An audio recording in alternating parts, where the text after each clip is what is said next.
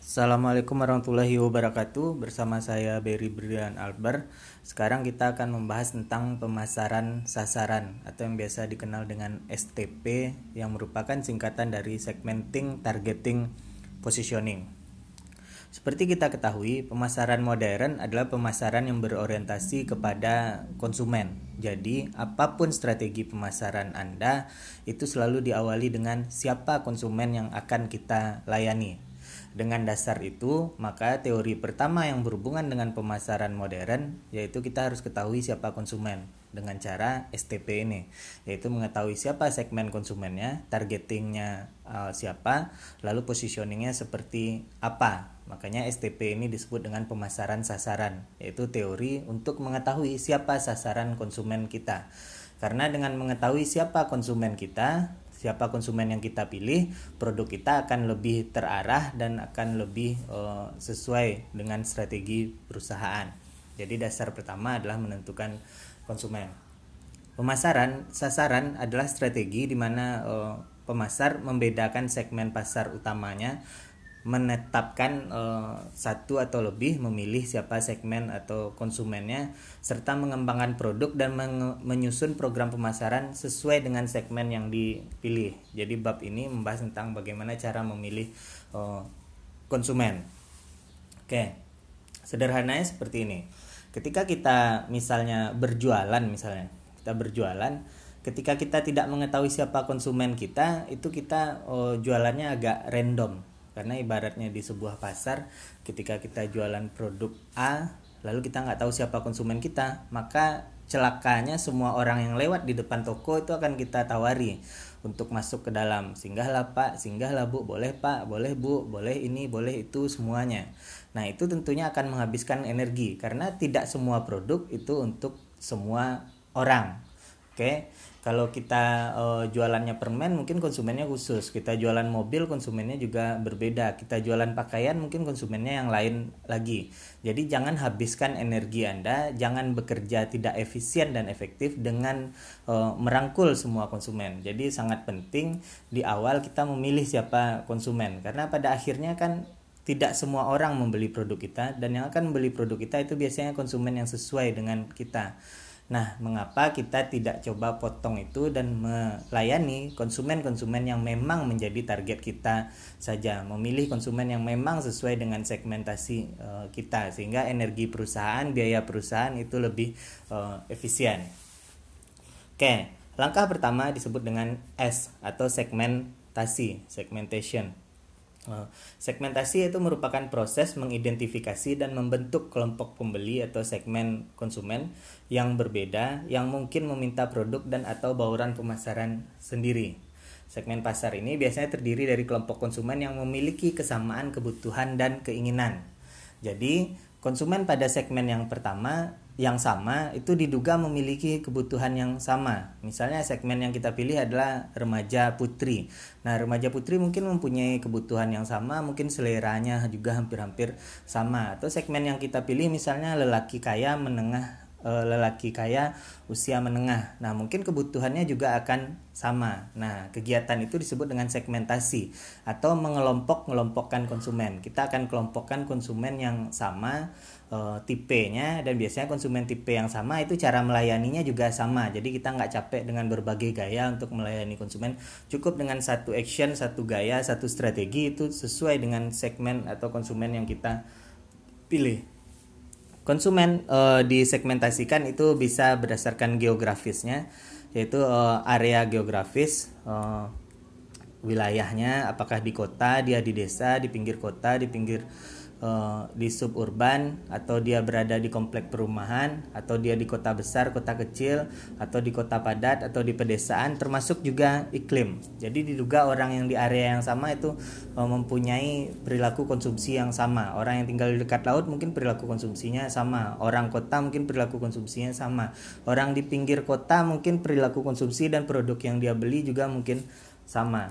Segmentasi selanjutnya bisa dikelompokkan berdasarkan uh, psikografis yaitu berdasarkan gaya hidupnya mulai dari apakah gaya hidupnya mewah atau gaya hidupnya uh, vegetarian, vegan atau berdasarkan kepribadiannya ini pendiam, patuh, ambisius atau berdasarkan kelas sosialnya, kelas bawah, menengah, atas. Orang dengan psikografis yang sama diduga punya perilaku yang sama. Cewek yang tomboy mungkin perilaku konsumsinya juga sama. Wanita feminim itu perilaku konsumsinya mungkin juga uh, sama.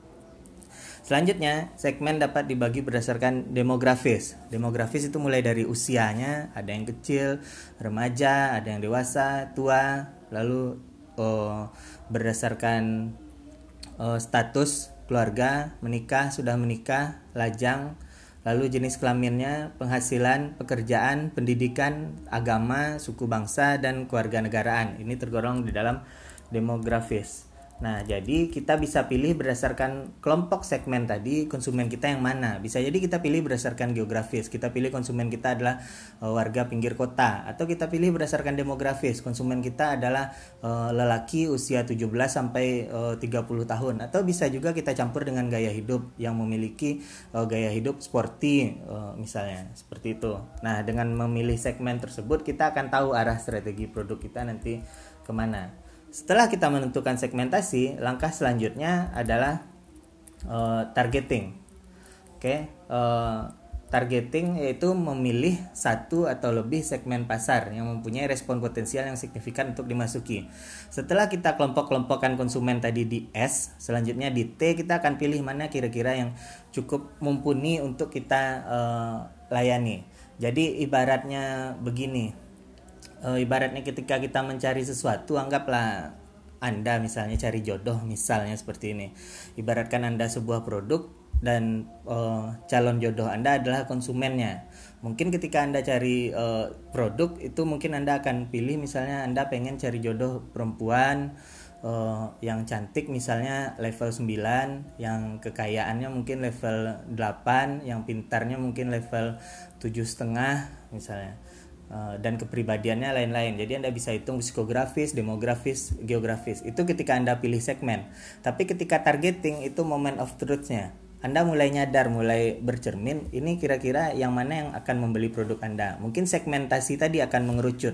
Mungkin Anda akan kecilkan, mungkin oh, oke okay lah cantiknya mungkin cukup di level 7, kayaknya mungkin cukup di level 6 misalnya. Atau oh, gaya hidupnya cukup di level oh, 5 seperti itu. Nah, ketika mentargetkan itu, Anda akan melakukan oh, pengkerucutan dari segmentasi tadi. Jika Anda mampu untuk melayani semua segmen tadi, ya ambil semua segmen. Tapi jika tidak, maka Anda akan mengkerucutkan di targeting, Anda akan pilih konsumen-konsumen mana saja yang cukup mungkin untuk membeli produk Anda.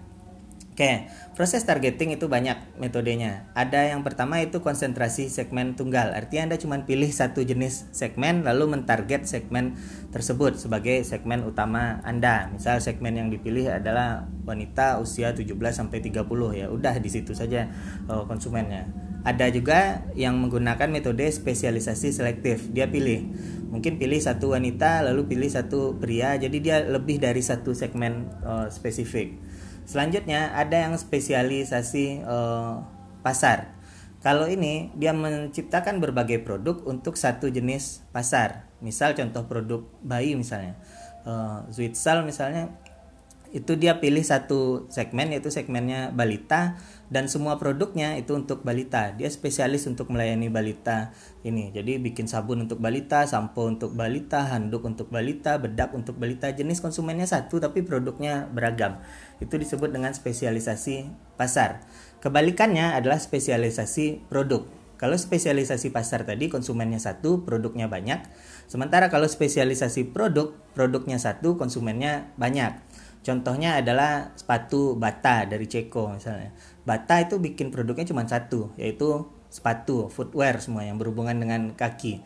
Tapi konsumennya banyak. Dia bikin sepatu untuk olahragawan, dia bikin sepatu untuk bapak-bapak bekerja, dia bikin sepatu untuk ibu-ibu, dia bikin sepatu untuk eh, anak-anak uh, dengan berbagai segmen tapi jenis produknya cuma satu. Itu disebut dengan spesialisasi pasar. Lalu ada juga yang mencakup seluruh pasar yaitu full market coverage. Artinya dia bikin produk banyak, konsumennya juga banyak. yang menerapkan strategi ini biasanya produknya uh, besar, perusahaan konglomerasi, murasi seperti Unilever misalnya produknya banyak, yang dilayani juga banyak atau misalnya seperti uh, Zara misalnya masuk ke outlet Zara itu uh, jenis pakaiannya, fashionnya itu banyak, konsumennya juga dari anak-anak sampai dewasa itu tersedia semuanya. H&M, Pull&Bear, uh, Uniqlo itu sama full market uh, coverage. Lalu yang lebih kecil itu namanya customization. Customization berarti melayani satu konsumen untuk satu produk. Berarti produk tersebut dibuat khusus untuk konsumen tersebut. Atau kita sebut dengan custom atau tailor. Nah, dari istilahnya aja udah tahu.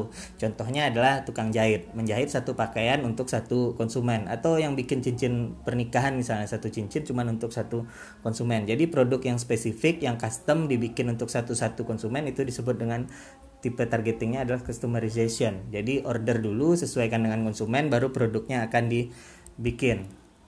Oke. Setelah segmenting targeting selanjutnya adalah positioning.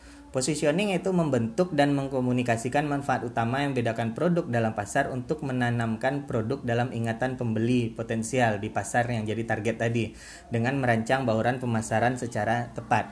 Jadi positioning itu kegiatan untuk menanamkan di benak konsumen yang sudah kita segmen dan kita targetkan tadi bagaimana produk kita. Jadi bagaimana produk kita di benak konsumen itu kita yang ngatur. Walaupun pada akhirnya uh, benak konsumen itu hak masing-masing konsumen. Tapi kita punya strategi, punya upaya untuk uh, mewujudkan produk tersebut image-nya sesuai dengan strategi kita. Oke, kegiatan itu disebut dengan uh, positioning. Pada tahap positioning ini kita harus tentukan positioning produk kita itu seperti apa. Oke. Intinya begini, perusahaan itu selalu menonjolkan kelebihan produknya. Jadi bisa kita pilih positioning pertama mungkin pakai atribut atau benefit.